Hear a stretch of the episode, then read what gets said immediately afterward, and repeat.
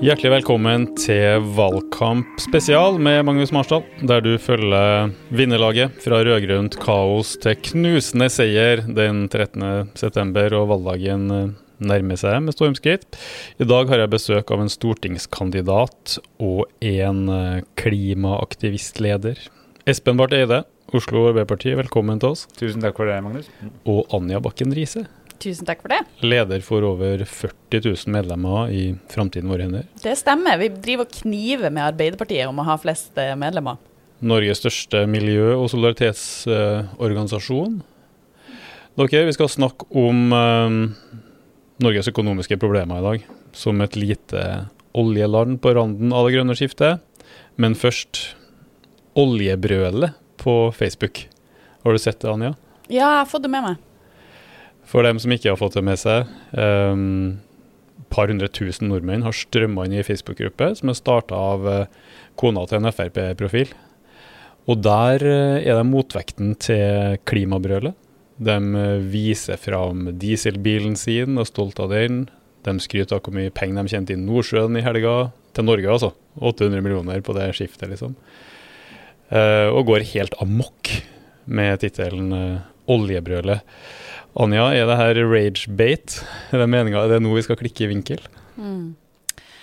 Eh, jeg tror bare det her viser hvor polarisert eh, klima- og oljedebatten kanskje har blitt eh, og oppleves for veldig mange. Jeg var i forrige uke med, med, med oljearbeidere og, og snakka om grønn industri og, og, på en måte hvor går veien videre. Eh, og veldig mange av dem jeg snakka med som jobber i olja, sa jo det. De kjenner seg trengt opp i et hjørne. Eh, og, og, når vi snakker om ting som hvordan skal vi løse Hvordan skal vi gå over til et nullutslippstransportsystem, og så begynner jeg å snakke om at ja, men vi må ha flere kollektive løsninger. ikke sant? Alle kan ikke kjøre hver sin bil som står i ro over 90% av tida. Så var jo noe av den responsen jeg fikk fra dem, at ja, men vi skal endre oss, vi skal endre oss på så utrolig mange områder at til slutt så liksom begynner man bare å ville hegne om det trygge, gamle, kjente man kjente fra før av. Ja, vi vil ikke endre oss. Og da ikke sant? Når det er så mye krav til endring, og vi skal jobbe annerledes og vi skal leve annerledes, så er det ikke rart at det er veldig mange som, som kjenner seg trua.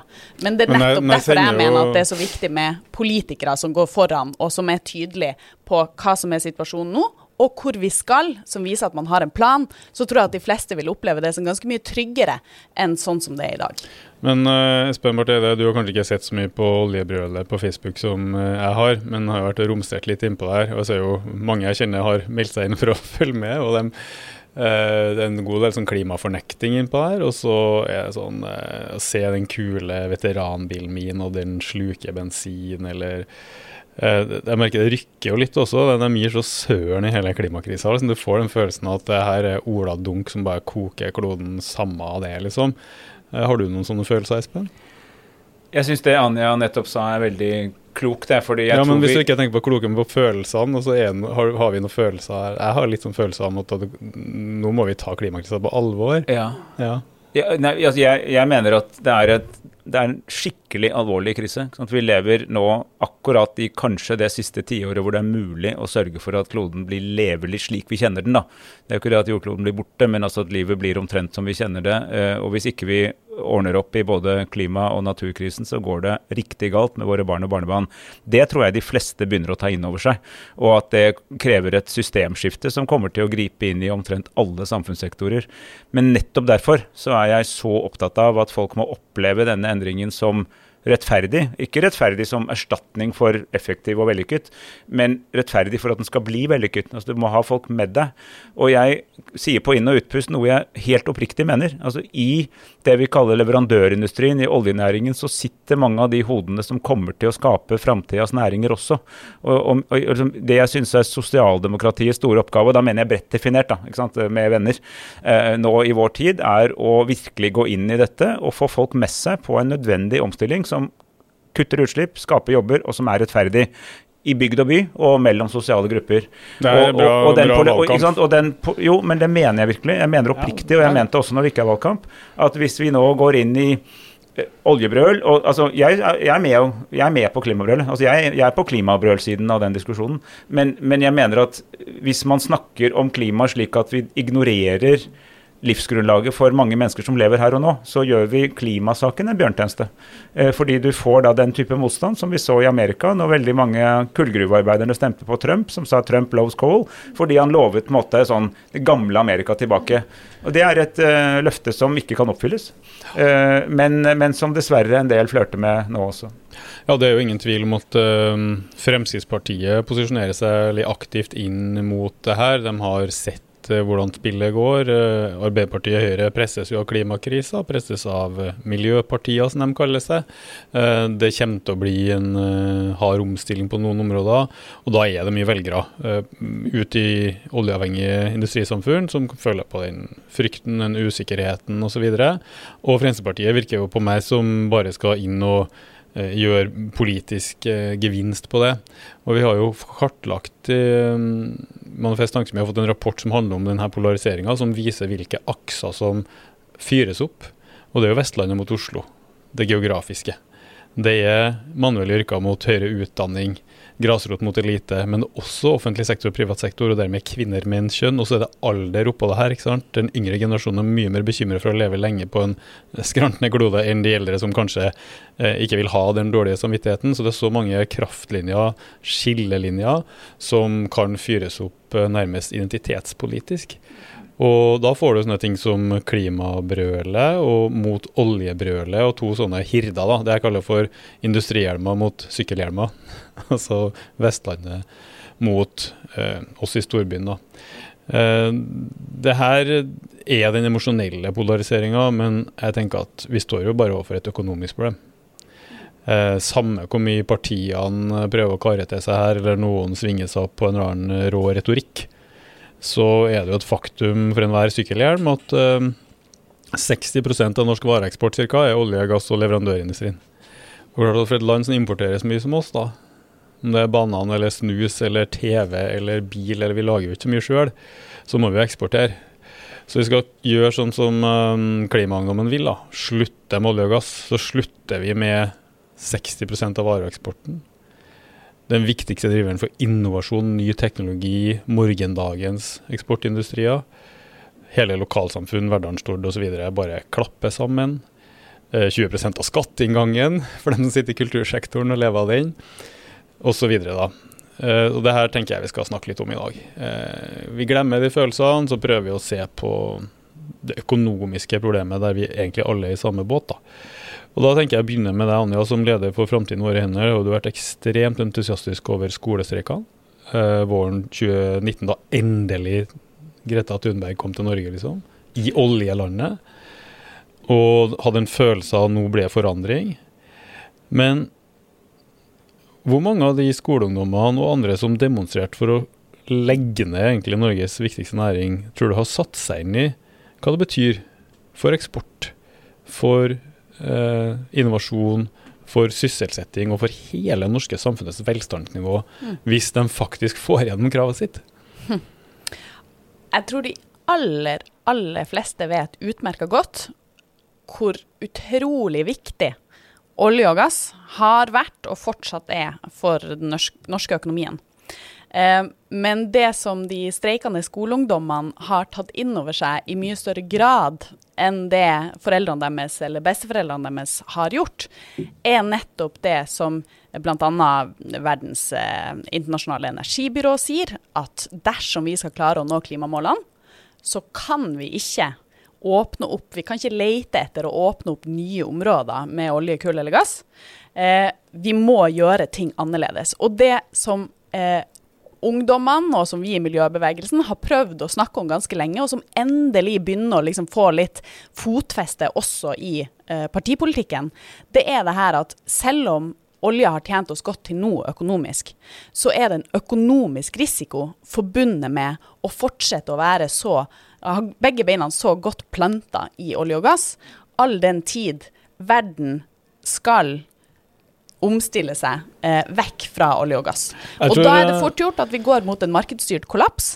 Og det jeg har et stort problem med, det er at dem som kommer til å sitte og være skadelidende da, det er jo nettopp alle de tusenvis av menneskene og familiene deres som får inntekten sin fra olje og gass. Det er ikke dem som sitter i toppen av oljeselskapene, det er ikke dem som sitter på toppen av de politiske partiene. De kommer til å klare seg, men dem som kommer til å være skadelidende da, som mister jobben over natta, det har vi sett i flere omganger tidligere. Eh, det er arbeiderne på gulvet. Og jeg tror at du har veldig rett i det her, at uh, kan sies på en annen måte, at det er i økende grad en motsetning mellom oljeinvestoren sine interesser, tenk Ola Borten Moe, som kanskje er interessert i å ta opp mest mulig lengst mulig mens det er lønnsomt, og oljeindustriarbeidernes interesser, som skal ha noe å leve av neste generasjon etterpå også. Før så var det sammenfall mellom de interessene. Nå trenger jo en grønn industriutvikling. Det kan vi komme tilbake til. Jeg tror du har litt ønsketenking angående de ungdommene. Nå bygger jeg riktignok på tynt grunnlag, men bare ta meg sjøl som et eksempel.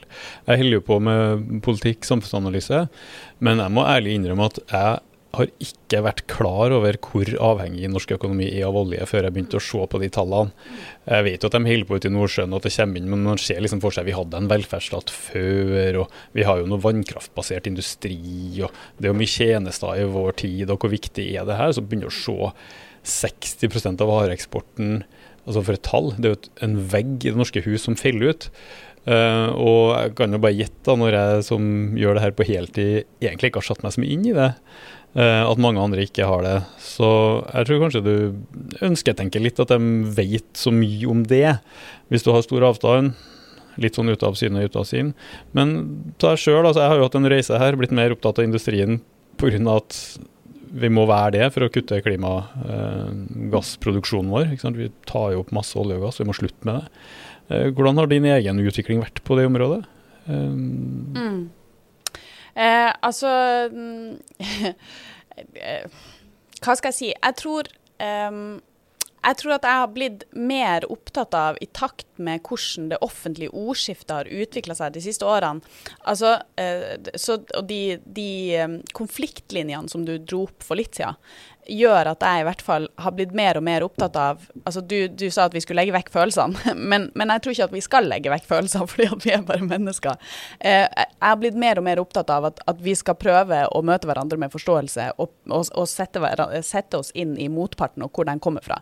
Eh, og da har, blitt, eh, da har, jeg også måttet sette meg inn i, i økonomien i det her, og i dialog med eh, industrifolk og fagforbund. Så um, så er jeg kanskje blitt mindre opptatt av en sluttdato eh, for olja, og, og, mer opptatt av å snakke sammen om eh, hva som er de konkrete planene, hvilke konkrete krav bør partiene komme med, legge på bordet eh, i tida som kommer, eh, for å sant, bygge videre på det som finnes i, i olja i, i dag, eh, og komme opp med nye løsninger.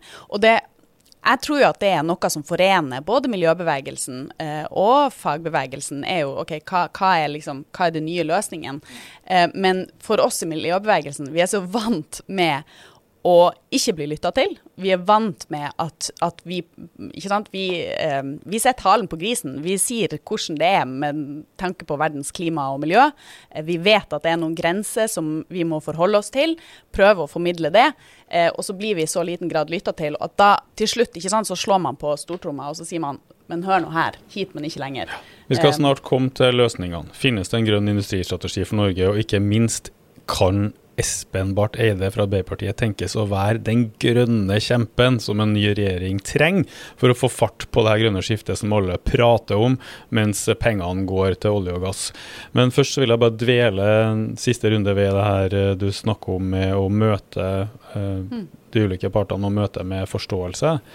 Uh, vi har jo et lite prosjekt uh, du og jeg som heter Parterapi, uh, der du møter konserntillitsvalgte i Aker ASA Atle Tranheim, som er en industrirørlegger fra Stord. Og vi jobber jo litt med det her. en ting jeg har lært av Sissel Gran i den forbindelse, psykologen, var jo at vi må komme forbi kamuflasjefølelsene. Sånn sinne, indignasjon. Mm. Ja, men du, da? hva har du gjort? Og sånn. Det er ofte det man eh, viser fram i stedet for det som er sant. Og det er bedre å framstå sint og forbanna enn å være f.eks. sårbar og redd. Så bak kamuflasjefølelsene så finner vi jo ofte en felles sårbarhet, mm. oppdaga. Frykten for hva som skjer med kloden, framtida og sånn hos de unge. Frykten for hva som skjer med Stord. Eh, det å være utlevert til de kreftene som oljekapitalen representerer. ikke sant? Å mm. føle seg maktesløs. Det er jo en fellesnevner. Maktesløsheten hos eh, oljefolket og klimaungdommen, faktisk. Så der er mye interessant da, som eh, kommer i en bok som heter 'Parterapi' en eller annen gang. Men man må beskrive den først. Men det lurer litt på hvordan du ser på noe av den harde retorikken fra, fra MDG og deler av miljøbevegelsen. Altså når man uh, sier at de som fremmer oljeindustriens uh, interesser, tjener penger på å ødelegge framtida vår, når én lokalpolitiker snakker om at det å være oljeingeniør og si at jeg bare gjør jobben min, det er moralsk det samme som å være uh, fangevokter i Auschwitz og si jeg bare gjør jobben min. altså Den voldsomme emosjonelle polariseringa fra den uh, sida. Um, hva syns du om det, og, og hvordan bidrar det her til den norske samfunnsdebatten? Mm. Altså, jeg, De eksemplene du der, drar opp der, er helt drøy. Uh, nå har ikke jeg verken sett eller hørt noen si noe lignende, så jeg er ganske sikker på at jeg er med meg det store flertallet i miljøbevegelsen, og også i eh, partipolitikken, og også i MDG, eh, på at det der er drøye uttalelser. Um, så tror jeg ikke at alle er enig med meg i at um, i at man skal ha en sånn eh, type Altså den tilnærminga som du snakker om der, om å på en måte møte hverandre på sine følelser. Jeg tror ikke at alle er enig med meg i det. Og det skjønner jeg. Altså man må på, på, på den ene sida så må vi jo få opp konfliktlinjen i partipolitikken det er spesielt viktig nå inn mot stortingsvalget. ikke sant? Altså, Jeg er jo veldig ofte veldig enig i nesten alt det som Espen Barth Eide sier på, på klima- og miljøsida, men når jeg leser partiprogrammet til Arbeiderpartiet, så er det jo masse der konkret politikk som jeg mener som jeg er uenig i.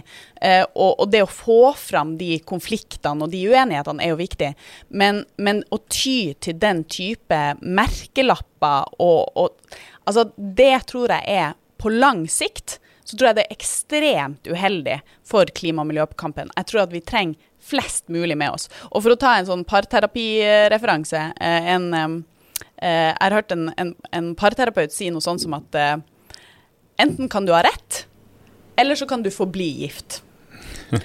og det ligger noe i det der, ikke sant? Altså sånn Eh, vi, vi, må være åpne for at motparten faktisk har eh, gode argumenter, kunnskap, kompetanse, ting som vi kanskje ikke har tenkt på sjøl, eh, og som hvis vi faktisk klarer å møte hverandre og snakke sammen, så, eh, så, kanskje kommer vi oss videre. Så får vi et sterkere og mer robust forhold eh, for, eh, som kan leve lykkelig ever after.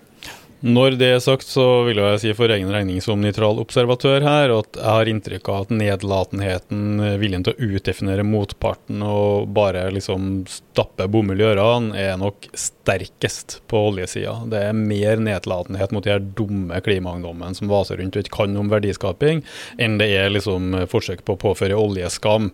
Så bare så det, det er i hvert fall min følelse, da. Men det er på begge sider, og jeg tror det er eh, en behagelig sovepute for politikere politikere uten industripolitikk, mm. som sier at liksom, ja, ja, nå er det on many sides. Eh, vi lever av olje og gass. Men det her blir det jo slutt på nå. Espen Barth Eide, eh, framtredende energi- miljøpolitiker i Arbeiderpartiet, arbeidernes eget parti.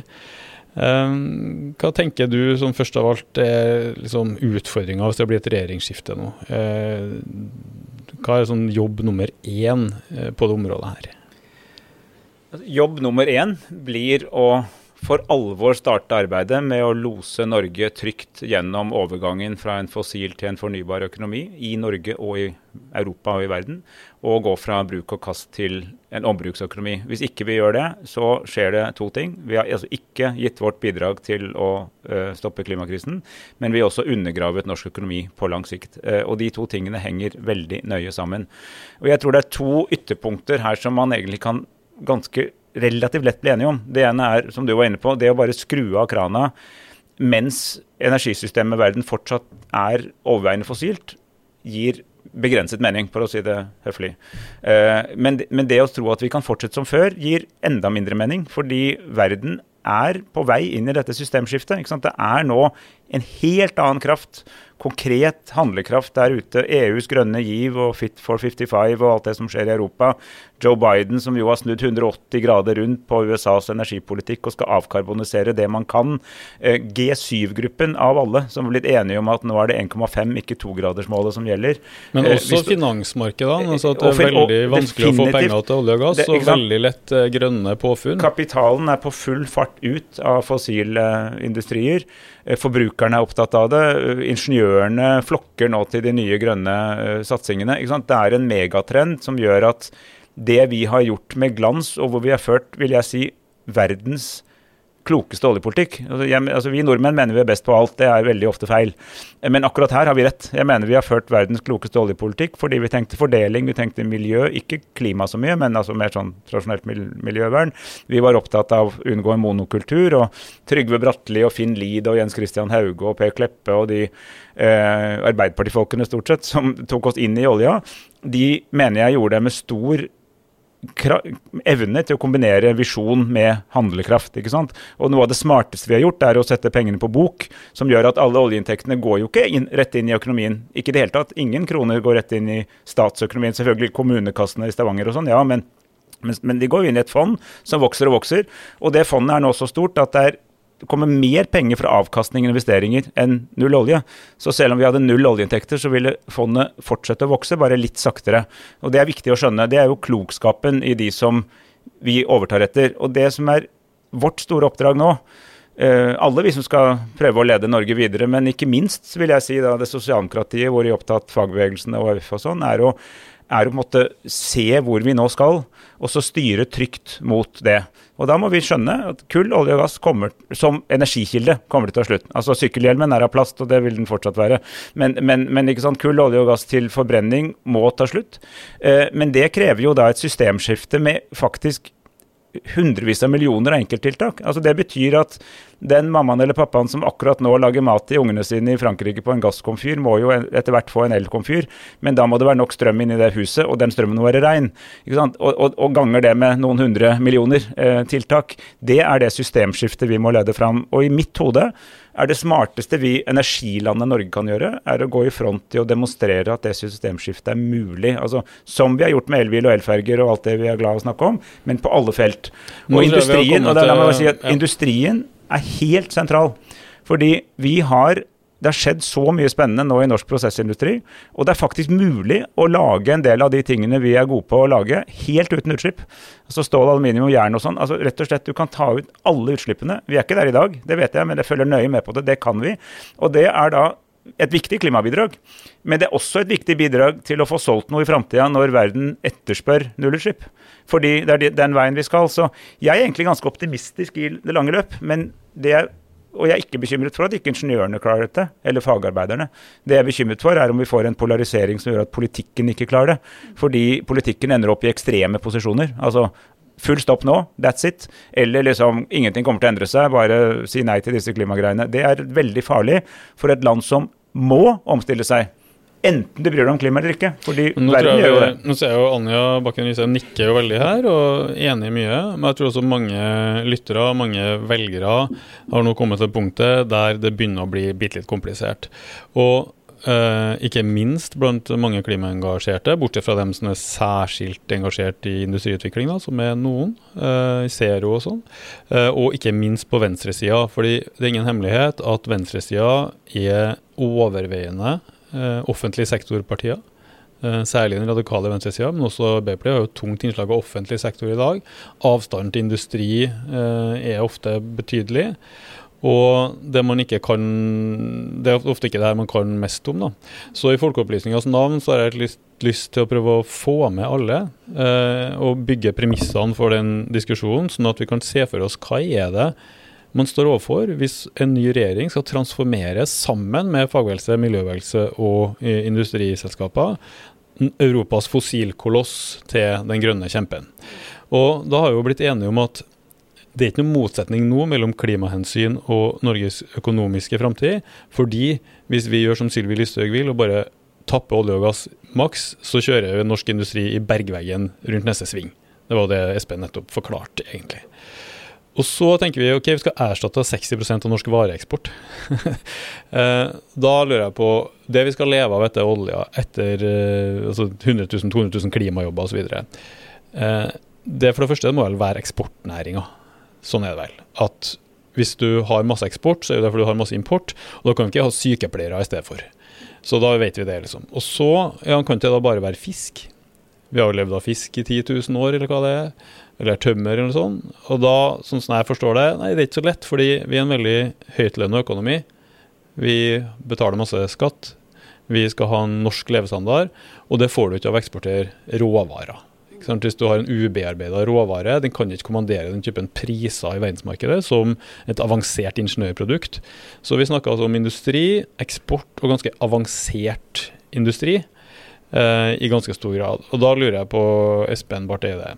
Et lite land som Norge skal kunne hevde seg i det høyteknologiske verdensmarkedet mot stormakter som USA, Kina, Tyskland osv. teknologisk, når vi har pusla med naturgitte ressurser som fisk, tømmer, vannkraft og tapping av olje og gass. Eh, på å si det på nymotens, er vi fucked?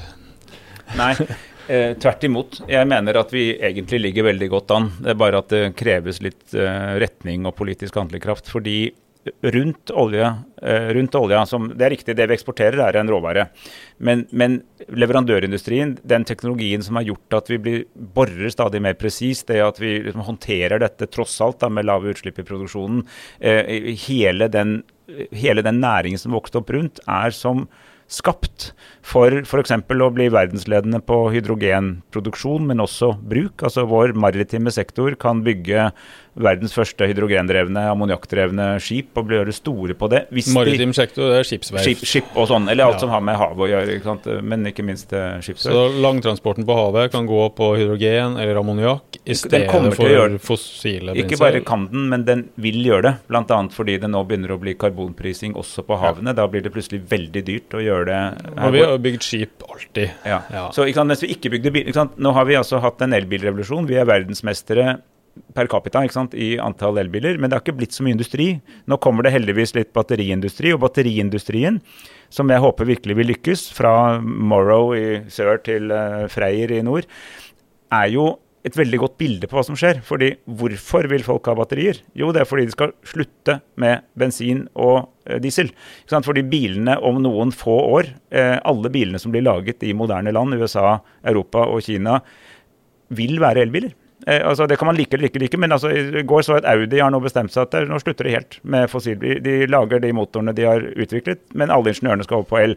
Derfor trenger du batterier. Og Da er det et sånn godt bilde på at kan det som går opp, må vi fange. Og det som går ned, må vi ta inn over oss. Så Det er to eksempler. Vi har batterifabrikker. Ja. Det er et lagringsmedium, og vi trenger mye strøm der. Vi trenger en del tungmetaller, andre ting som vi kanskje og har og ikke har. Det er high-tech. Så er det en hydrogenproduksjon som kan gjøres med vannkraft. Også en energibærer som lager energi, putter ned i skip f.eks., som ikke kan gå, gå, på batteri, for den går langt. Mm. Og så har du offshoreindustrien. Det er ofte trukket fram at vi får avanserte ting til å flyte i vær og vind, f.eks. flytende havvind. havvind. Der der optimistene snakker om 50 000 årsverk i, i 2050. Og da er det jo den unike offshorekompetansen. Um, det er noen andre næringer også som hvis du legger det oppå hverandre, da, så er det noen muligheter industrielt. Anja, hva tenker du? Jo, nei, jeg, jeg, tenker at det er viktig at vi eh, Vi må gjerne snakke om masse av de forskjellige eh, mulighetene, men det, jeg har lyst til å dra fram noen, si, altså noen prinsipper for hva, hva, grønn industri egentlig er for noe. Mm. Fordi at nå kommer det også veldig mange som ønsker å, å putte merkelappen grønn eh, mm. på det de holder på med. Eh, datalagringssentre, eh, bitcoin osv. Mm. Jeg vil si det er ikke grønn industri. Eh, det som kjennetegner grønn industri, vil, vil jeg si, reelt grønn industri, det bør være basert på sirkulære forretningsmodeller. Jeg kan komme litt tilbake til det.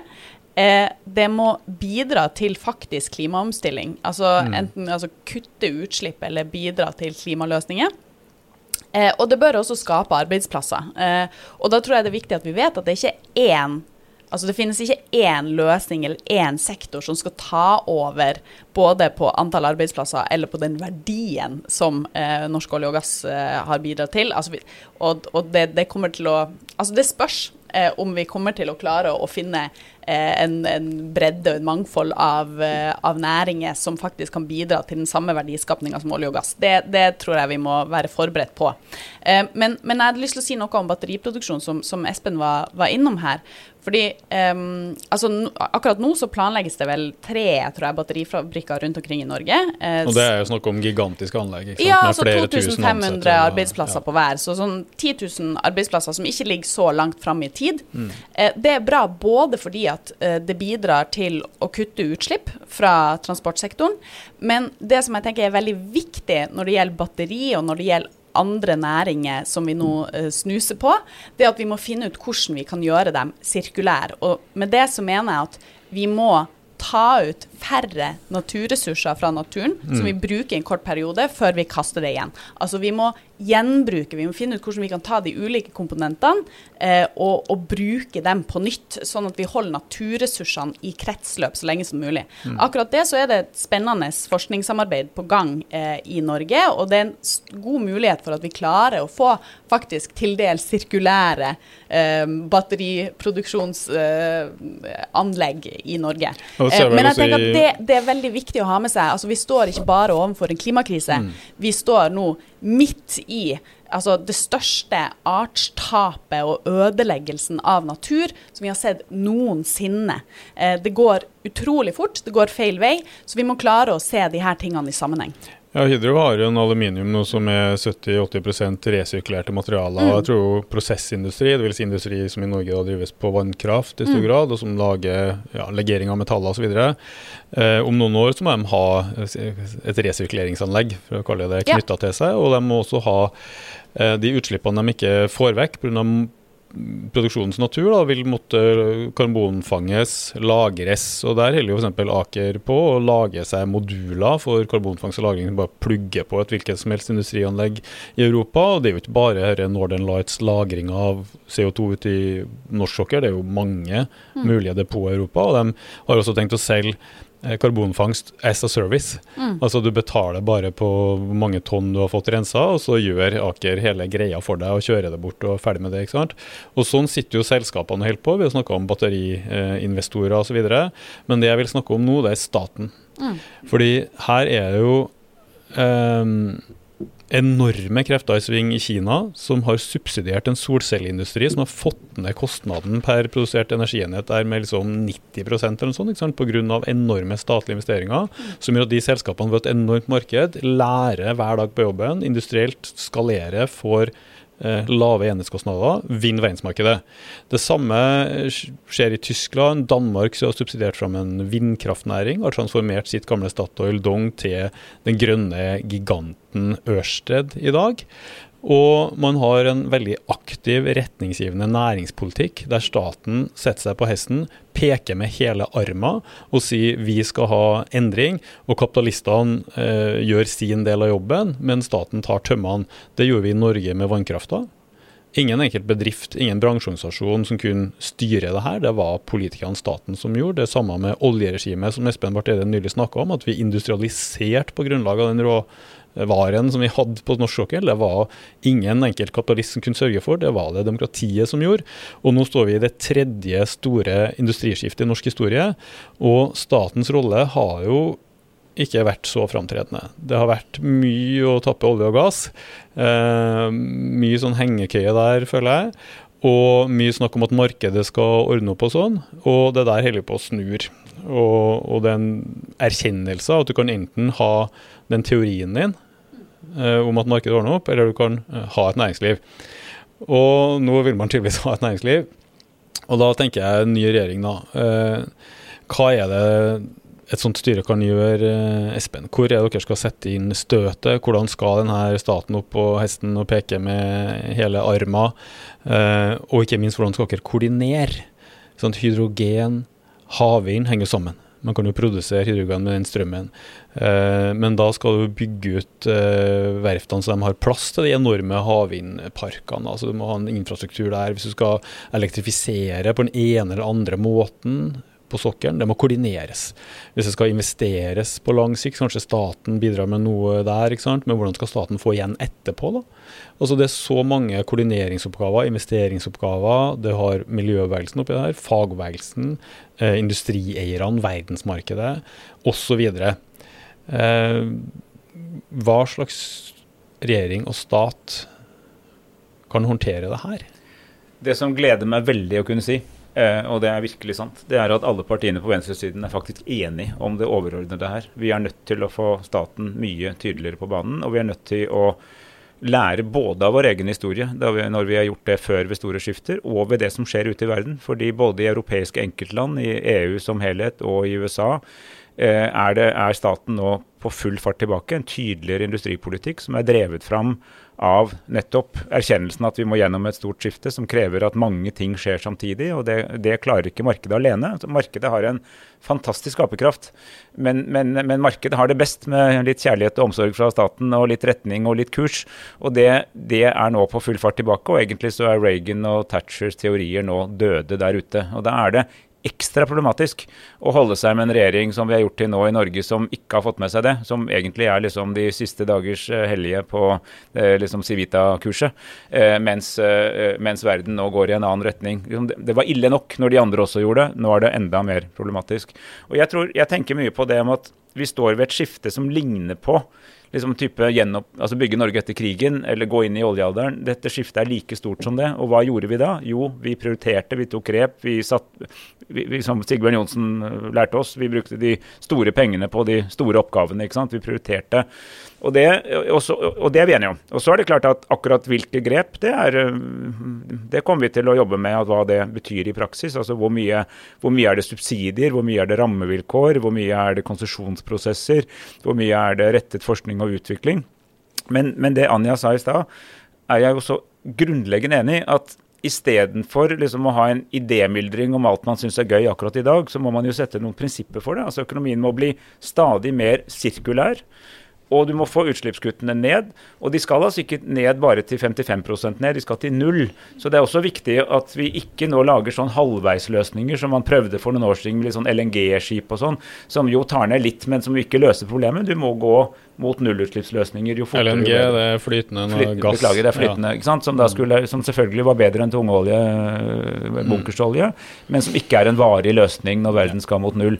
Så, så, så, så svaret er at denne regjeringen som jeg håper nå kommer, og som jeg håper blir rød-grønn, eh, den må altså først bli enige om hvilke prinsipper som skal oppfylles, og så avledet av de prinsippene må vi velge de virkemidlene som virker best. Ja, Da vil jeg gjerne snakke litt om de prinsippene. altså, fordi eh, når vi jobber med det her i Manifest Tankesmie og et eh, prosjekt som heter Grønn industri 21, der vi også har hatt inn Mariana Mazzucato og hennes institutt i London, så har vi jo fått veldig øye på investeringsstatens rolle. Mazzucato, som er en økonomiprofessor med mange bøker om temaet, viser jo hvordan investeringsstaten ligger bak Internett, eh, touchskjermen, mesteparten av det som er i iPhone, er jo store statlige, langsiktige utviklingsprosjekter og investeringer. Og grunnen til at staten er så aktiv der, er jo at det er så høy risiko. Du sitter og fomler med noen teknologier som du ikke vet om det blir noe av i framtida. Hvilken kapitalist har tenkt å svi av pengene sine på det? Nei, nesten ingen. Så det blir ofte staten som er oppstrøms da i starten og tar masse av risikoen. Og så får du et produkt som kan sendes på verdensmarkedet, og du får en kommersiell høstingsfase industrielle profitter, etter hvert spekulative profitter på børsen. Og da kommer kapitalistene. Da skal de ha inntekter. Og Derfor så er jo investeringsstaten liksom problematisk. Det er jo en myte at høyresida er mot stat. Kapitalistene vil jo gjerne ha stat til det her. Men hvorfor skal arbeiderklassen, velgerne, skattebetalerne, fagbevegelsen, miljøbevegelsen være med på å handle inn råvarene, lage maten, eh, skjenke champagnen, og så er det bare Kjell Inge Røkke som skal ha fest? Um, hvordan får befolkninga igjen? Hvordan sikrer sikrer staten miljøhensyn, fordelingshensyn? Altså hvordan kommer liksom fordelingsstaten inn i bildet, da? Uh, og sørge for at det er en sosial kontrakt. Uh, og, og, for mange på venstresida vil jo steile vi bare skal gi masse subsidier til Kjell Inge Røkke nå.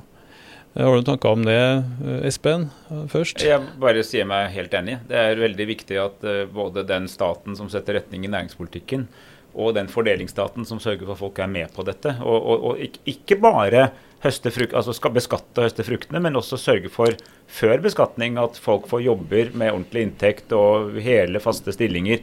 Det er jo også fordelingspolitikk. ikke sant? Ja, Fordi det er fagbevegelsen liksom en forutsetning ja, for fordelingsstaten? Altså Den norske modellen altså, vi, all, vi, får ikke til så store skifter uten å ta den norske modellen på alvor. og Det betyr små forskjeller, høy tillit, involvering av, av de det inngår. Og så mener jo jeg at det er ikke bare altså det er fagbevegelsen, det er arbeidsgivere, det er staten. Det er også miljøbevegelsen og andre grupper. Men vi er nødt til å sette retning sammen og bli enige om noen, en samfunnskontrakt. Det er veldig enig. Og dette har jo både Manifest få... jobbet med, og Tankesmien Agenda jobbet ja. med, og egentlig kommet til ganske lignende svar da, når det gjelder hovedbildet. Og, og det er det som gjør meg så veldig oppstemt for de målingene vi ser nå. Dette er det enighet om. Men bare ta, for Anja skal slippe der også, men det med eierskap. da. Altså, Hvis vi nå skal produsere masse strøm ute i havet etter hvert, hvis det blir svære havvindparker, eh, eh, burde ikke den infrastrukturen og egentlig den strømmen være statens eiendom? Altså, det er jo en innsatsfaktor i norsk industri. Eh, krafteksporten er noen ganger problematisk, ikke sant? fordi at det har å gjøre med norske lave kraftpriser til industrien. og sånn å gjøre. Eh, hva med eierskapet her? Eh, vi er jo grunneier, staten er jo grunneier, ikke sant. Eh, eller eierskapet i Statoil, eller Equinor som de kaller seg nå. Eh, etter mitt syn så burde det være et heleid redskap. Altså Akkurat den overgangen vi har nå, det skal trappe ned på en ansvarlig måte Nordsjøen. Eh, burde ha et Equinor som tar ansvar for det. Hvis vi skal elektrifisere Nordsjøen med havvind, få oljeselskapene til å betale for det, Eh, hvis de ikke har lyst, så har jo Equinor som en kjempestor operatør som vi kan bare sette til å gjøre det. Eh, eierskapet i ulike selskaper, altså vi har jo Statnett, Statkraft, Equinor, alt det statlige opplegget, det er jo ganske ukoordinert. Vi mener vi skulle hatt et holdingselskap, altså et koordinerende ledd. Aker ASA er et fantastisk forbilde, spør du meg. De koordinerer så mange sektorer under ett strategisk system. Synergier, eh, troverdighet, for de har ingeniører. De har fagarbeidere. De har Aker Solutions og der, men de har også visjoner for masse grønne ting. Eh, statens eiermakt, rett og slett, altså, eh, tror vi. Det nytter ikke å bare springe med skatter og avgifter og reguleringer og sånn. Du må også liksom være en, en eier og en aktør. Ja, hva tenker du Espen? Er Arbeiderpartiet klar for det? Ja, men det sier vi jo både i programmet vårt, og vi, jeg var også saksordfører for en av disse svære Equinor-opprullingene etter USA-justeringene. og Der sier vi jo, og igjen da, samstemt på rød-grønn side, at vi må bruke eiermakten mer aktivt. Vi skal gjøre det ordentlig og ryddig. Det skal skje på generalforsamlinger med tydelige, åpne mål og sånn, men vi må bruke eiermakten i f.eks. Equinor tydeligere. Når det gjelder dette med akkurat uh, nett til havs, så mener jo vi at det bør Statnett ta ansvaret for. Fordi Statnett, Både fordi det er staten, men også fordi det er en nøytral aktør mellom produsent og forbruker. For at du ikke skal få en enten forbruker, altså bruker- eller tilbyderinteressene til å dominere, så må du ha staten som Staten er veldig god på infrastruktur, da, og dette er infrastruktur. og den kommer jo eh, med, Hvis vi skal ha noe havvind, så må det komme et nett. og Det mener vi skal være Statnett. Så, så, det er utrolig viktig. Og Så er det samtidig viktig at vi ikke skal sørge for at f.eks. Equinor tar hele kaka. For vi vil jo også ha konkurrenter. Vi vil at forskjellige ideer skal få testes. Kanskje noen gjør det bedre og raskere og mer effektivt. Så, så, vi må skille mellom statens ulike roller, altså en aktiv stat som regulator og en eier som tillater at det finnes et marked. Men i det markedet så mener jeg at eiermakt kan brukes enda tydeligere og enda mer retningsgivende. Anja, jeg skal bare spørre deg om en ting før du får si også sikkert andre du sitter og brenner inn med. Um, det er veldig mye snakk om at den kompetansen vi har bygd opp innenfor olje- og gassleverandørindustrien skal brukes til det grønne skiftet, men det funker jo ofte som sånn unnskyldning for å la dem holde på. Og Oljeskattepakken ble jo sånn eh, i fjor at de fikk holde på noe veldig, men med det her som påskudd. da. Og de ingeniørene vi snakker om, som skal bygge de grønne næringene vi nå ser fram mot, sitter jo i dag opptatt med olje og gass. Og Det største koordineringsproblemet her er jo å bytte en fossil vekstmotor for norsk industri midthavs til en grønn. Du er på opprørt hav, skipet kommer til å gå ned hvis det mister styringsfart, og motoren din er fossil. Og så har du en bitte liten grønn motor, og så skal vi liksom bytte ut de to. Det her er det norsk økonomi skal gjøre. Og da må vi flytte ingeniørene, flytte fagarbeiderne, flytte investeringene. Mm. Eh, det høres helt umulig ut. Altså, Røkke kan ikke det. Noen må hjelpe en, ikke sant. Eh, kommer ikke oljestoppen inn ganske praktisk her? Og så er det ikke nettopp det å si nå blir det en sluttdato for den greia, og, og alle innstiller seg. altså På mm. en eller annen måte må jo staten peke med hele armen, og da er jo den sluttdatoen til MDG Er ikke det en mulighet, da? Det er flere enn MDG som peker på en sluttdato. Uh, altså, um, der dem som snakker om sluttdato, eh, forenes med dem som snakker mer om eh, grønne løsninger og ny grønn industri, det er jo i bare behovet for at vi sier vi skal i denne retninga Eh, og så skal vi få flere bein å stå på. Og det trenger vi. Om det er en sluttdato, eller om det er Altså, du kan formulere det, du kan snakke om det på veldig mange måter. Men det som dere ikke har vært noe særlig inne om eh, til nå, og som jeg tenker er veldig viktig her, er det når vi er rundt og snakker med eh, bedrifter rundt omkring i landet, så er ikke de bare opptatt av at det skal komme nye investeringer og, eller subsidier eh, inn i deres næringer, men de er opptatt av at de må vite at det finnes et marked for de produktene og de tjenestene som mm. de skal produsere. Eh, og da spiller det offentlige en veldig stor og viktig rolle. Altså Staten eh, kjøper, eller det offentlige kjøper tjenester og varer for over 520 milliarder kroner i året. Altså Her ligger det en kjempemulighet i å være tydelig på at eh, dem som produserer de sirkulære, de klimavennlige løsningene eh, som er produsert på en ordentlig måte og med norsk og gode, eh, gode arbeidsforhold, dem har ei framtid eh, i Norge i tiårene mm. som kommer. Så det å bruke de offentlige innkjøpene til å stille veldig tydelige krav, eh, da kan vi også være med og dra næringslivet i riktig mm. retning. Mm. Men, her, men, her, er det jo også noe som ikke funker så bra. Altså, vi bruker jo store offentlige midler gjennom Enova f.eks. på å subsidiere fram grønne ferjer, som kjører og lager en på Oslofjorden nå. Den kjører på kysten av Nord-Norge osv. med batteriteknologi annet, og det bygges i Tyrkia. Og det bygges i India mm. og Polen. Og vi importerer biler med skattefritak. Mm. En enorm grønn importpolitikk til titalls milliarder. Vi importerer tyske vindmøller med tyske patenter, tyske eiere osv. Så, videre, og så, videre, så vi Uh, ja, hva skal vi ja. med her, Espen Barth Eide? En det... kronisk EU-tilhenger som deg er vel glad for at det frie markedet i Europa Nei, men altså, jeg, jeg, er enda mer glad for at uh, i rammen av EUs grønne giv, så er det nå åpnet for mye mer direkte uh, tiltak fra statens side. Det er bl.a. det som heter på litt utenlandsk, altså IPSEI, men som egentlig er altså prosjektet for disse store satsingene på batterier og hydrogen, gir faktisk et mye større rom. altså Handlingsrommet ble mye større. Eh, det er allerede mye større enn denne regjeringen bruker. og Det tror jeg også vi ganske trygt kan si at det skal vi utnytte. Vi er jo opptatt av å ha adgang til de markedene, for alle batteriene vil jo til slutt inn, skal inn i en europeisk bil eller noe sånt. Men vi skal sørge for at vi får norske arbeidsplasser ut av det. Det, et, det gjorde vi da vi gikk inn i olja, det må vi gjøre uh, nå også. Men jeg har også lyst til å Når vi, når vi disse her sluttdatogreiene mm. uh, da dampskipene overtok for seilskutene, så var jo ikke det fordi Stortinget vedtok et seilskuteforbud. Men hvis vi tenkte oss at man hadde gjort det, da, Kanskje fordi man liksom vil få fart på eh, dampskiputviklingen. Så tror jeg veldig mange av seilskutearbeidere som gikk konk og mistet jobben, ville vært sint på staten fordi noen hadde vedtatt bort jobben deres. Hvis derimot man hadde sagt at folkens, er dere sikre på at det er lurt å fortsette med seilskuter når alle andre bygger dampskip, skal vi heller prøve å løfte fram en dampskipindustri, så ville du kanskje fått folk på laget. og kanskje sagt at staten skal kjøpe inn eh, disse for eksempel, nye skipene. Nettopp. Øh, øh, så, så, så min, min, bekymring om at fokuset skal være på sluttdato, er ikke jeg, altså jeg, mener jo også at verden skal slutte med kull, olje og gass. og Da er det jo et tidspunkt hvor det ikke gir mening å lete etter mer. Det, det er jo åpenbart. Men hvis vi gjør ja, det tidspunktet var vel i går. Eh, men det, det, er litt, det, er litt, mer komplisert, faktisk. Vi, ja, men vi vil ja, legge det til side. Egen, altså det kan f.eks. være at vi har funnet masse vi skal la ligge, og at vi kan finne noe som er bedre. Det er, det, er, litt sammensatt, det der. Men, men, men, hvis hovedfokuset er på at vi skal avvikle jobben til folk, så får du det mot, mot deg. Ja, nei, jeg tror også det er sånn at, at vi, må, vi, må, ikke snakke om det vi ikke skal gjøre, vi men, må snakke men, om det vi skal gjøre. Men hvis du snakker om startdato og si at eh, liksom, kjære kamerat på Stord, altså, vi ser jo, både du og jeg ser jo tegninga, og dette har jeg gjort. Jeg har vært der og snakket. Vi vet jo at eh, du sveiser om noen år, så det jo, står du her og sveiser på en havvindplattform, ikke på en oljerigg, fordi det blir jo ikke flere et, en gang. Altså, og det, man, da får du en helt annen dialog.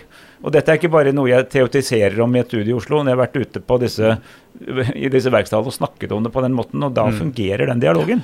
Den erfaringa tror jeg kanskje vi har eh, alle tre, altså at det her er, det er sånn det er. Og at industriarbeiderne er på klimaomstillingas lag, dem. De lurer på hvor eh, arbeidsplassene er. og Jeg tror dere har rett i at det emosjonelle fokuset rundt temaet sluttdato blir veldig sånn moralsk, og at det ikke handler om det vi skal gjøre, men det vi ikke skal gjøre. og Dermed så er det ikke noe jobb der, det er ikke noe verdiskaping, det er ikke noe innovasjon. Det, vi må snakke om eh, det som peker framover. Da. Og da skal jeg lansere en liten idé til, mot slutten her, Espen Barth, som du skal få helt gratis. Anja pekte på staten som innkjøper. Og at det kan være en veldig drakraft her. ikke sant? Vi bestiller X og Y og Z, og industrien leverer det. Men vi tenker jo i Manifest at Norge som et lite land med fem millioner innbyggere, og også sjølforsynt med egentlig vannkraft, fornybar energi, eh, hvis vi skal være en trekkhest på norske industrier, så må vi tenke globalt. Eh, så vi foreslår jo en slags norsk eh, bank for internasjonalt samarbeid og bærekraftig utvikling der vi bidrar med våre enorme finansielle muskler og gode grønne vilje til å få satt opp enten det er solkraft, eh, havvind, andre ting, ikke sant, i land som ikke har den samme finansielle og kanskje tekniske kapasiteten, og rulle ut, som det heter, den typen grønn energiproduksjon, grønn transportsystemer, grønne industriløsninger, eh, egentlig globalt.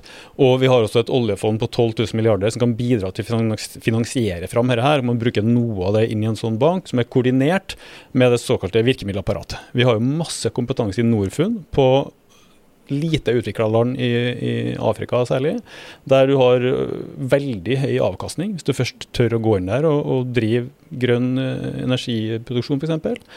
Eh, og hvorfor kan ikke den grønne kjempen agere globalt, men på en måte som også eh, stimulerer utvikling av ingeniering og andre arbeidsplasser lokalt? Hvorfor finnes ikke en visjon for den eksportleda grønne industriutviklinga der den her finansmuskelen som nå egentlig investeres lite industrielt da, gjennom oljefondet, eh, blir en sånn, et bein som den grønne kjempen går på. ikke det en eh, vei å gå, da? Jo, eh, men det er to ting i det. For det første så mener jeg jo at eh, det Jonas Gahr Støre, Arbeiderpartiets leder, slo fast forrige uke, er at vi kommer til å støtte Skankeutvalgets anbefaling om at uh, verdens største suverene fond, som eier 1,5% av alle verdens aksjer og mye eiendom og mye tillegg, skal gå for grønt, altså skal gå for nullutslipp i alle sine investeringer. Og i ytterste konsekvens trekke seg ut av selskaper som ikke er med på det. Det er en enorm finansiell impuls. Det er ikke noe enkeltgrep Norge kan gjøre som er større enn det. Det er bra, det, det men det skaper jo bare arbeidsplasser utenlands. Men, men det skal ikke bare, fordi det skaper også endre på de markedene som vi så skal eksportere inn i. Det endrer jo da på hva folk der ute etterspør. Så det bidrar til den globale systemskiftet som vi så skal ta posisjoner i.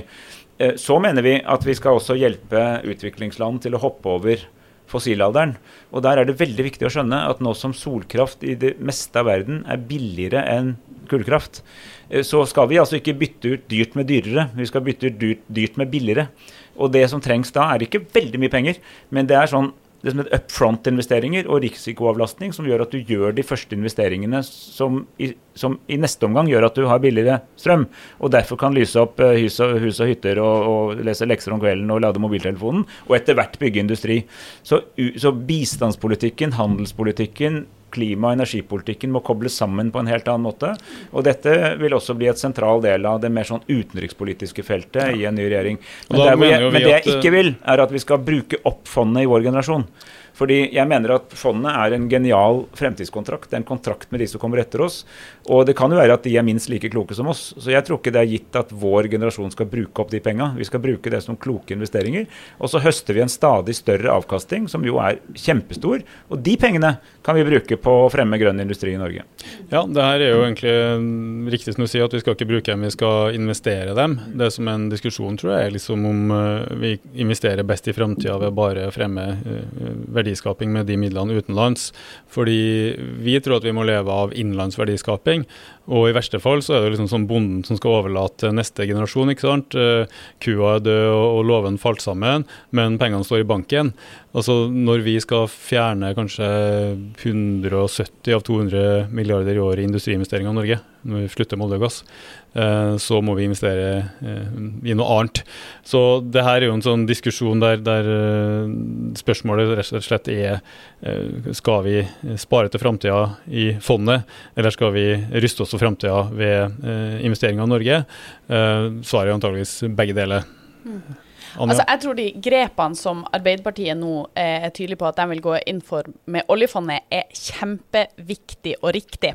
Eh, men det du peker på, Magnus, er jo helheten i virkemiddelapparatet. Og i dag så har vi eksportkredittordninger som eh, støtter mye fossile, altså gårsdagens løsninger. Vi har et Innovasjon Norge som også er for eh, tungt retta inn mot gårsdagens løsninger istedenfor de fornybare og klimavennlige løsningene og sirkulære løsningene, ikke minst, som vi trenger. Eh, og kombinert med bl.a. Norfund, kombinert med bl.a. offentlige innkjøp. Du må se på hele pakken, hele virkemiddelapparatet. Og hvis man tar alle dem i bruk, da begynner vi å få ganske betydelige satsinger. Eh, både hjemme og ute. Men vi har ikke tid til at alle de byråkratene skal lære seg det her. Det her må jo koordineres med hard hånd av en gruppe entreprenører inne i staten i et klima- og industridepartement. Espen Barth Eide, klima- og industriminister, kunne det vært noe for deg?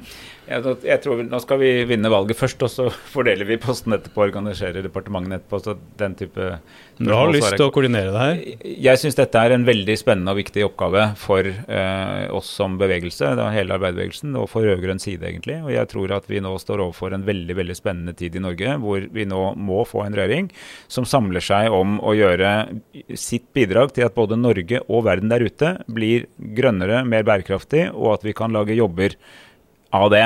Eh, jeg tror det er mulig. Jeg tror egentlig det er jo mer jeg jobber med dette, jo mer mulig tror jeg det er. Eh, ikke sant? Fordi at det er så mye annet som skjer. Det er så mye privatkapital, det er så mye teknologi og sånt som går i riktig retning. Så jeg har egentlig konkludert med at altså, framtida er fornybar, sirkulær og bærekraftig. Spørsmålet er bare om vi kommer dit fort nok. Og det staten, en aktiv stat må gjøre, er å trekke til oss den fremtiden. Altså gjøre det, fordi vi, altså, selv markedet ville klart dette til slutt, sånn som, men vi har ikke tid til å vente. Så vi må, vi må vi må vri på alle bryterne, så kan vi få fart på den omstillingen. Og da skal vi altså Verden må bli mer bærekraftig, sirkulær og fornybar. Altså motsetning til bruk og kast og uh, rovdrift og naturressursene og fossil. Men du skal også lage gode samfunn og gode liv i bygd og by. Folk skal fortsatt kunne reise, spise, bo, ha det varmt i huset sitt, lage ting, ha en jobb å gå til, ha selvrespekt. Når vi er ferdig med den omstillingen. Og min visjon, som jeg egentlig vet fra før at jeg deler med Anja og Framtid i våre hender, er at det skal bli bedre liv. Det er ikke sånn at vi skal liksom klare oss å overleve. Nei, vi skal skape bedre og tryggere liv i den andre enden av den omstillingen. Og det krever altså noen som vil sette kurs og retning. Og da er jeg opptatt av at vi ikke alle sammen forelsker oss i én løsning. For vi kan alle ha vår favorittløsning. altså det, Ja til havvind, nei til vindkraft. liksom eh, Litt mer olje, litt mindre olje. Men det er å lage et system rundt dette. Eh, og det er altså Jeg mener jo at eh, bevegelsen jeg kommer fra, er best når det gjelder. da. Det er aller best når vi bygger Norge etter krigen, tar eh, Norge inn i oljealderen, eller nå tar Norge inn i fornybaralderen. Da har jeg fått beskjed om at tida vår er ute. Eh, det er valgkamp spesial for i dag, det. Eh, tusen takk fra Oslo Arbeiderparti, Espen Barth Eide, fra Framtiden vår ender, Anja Bakken Riise.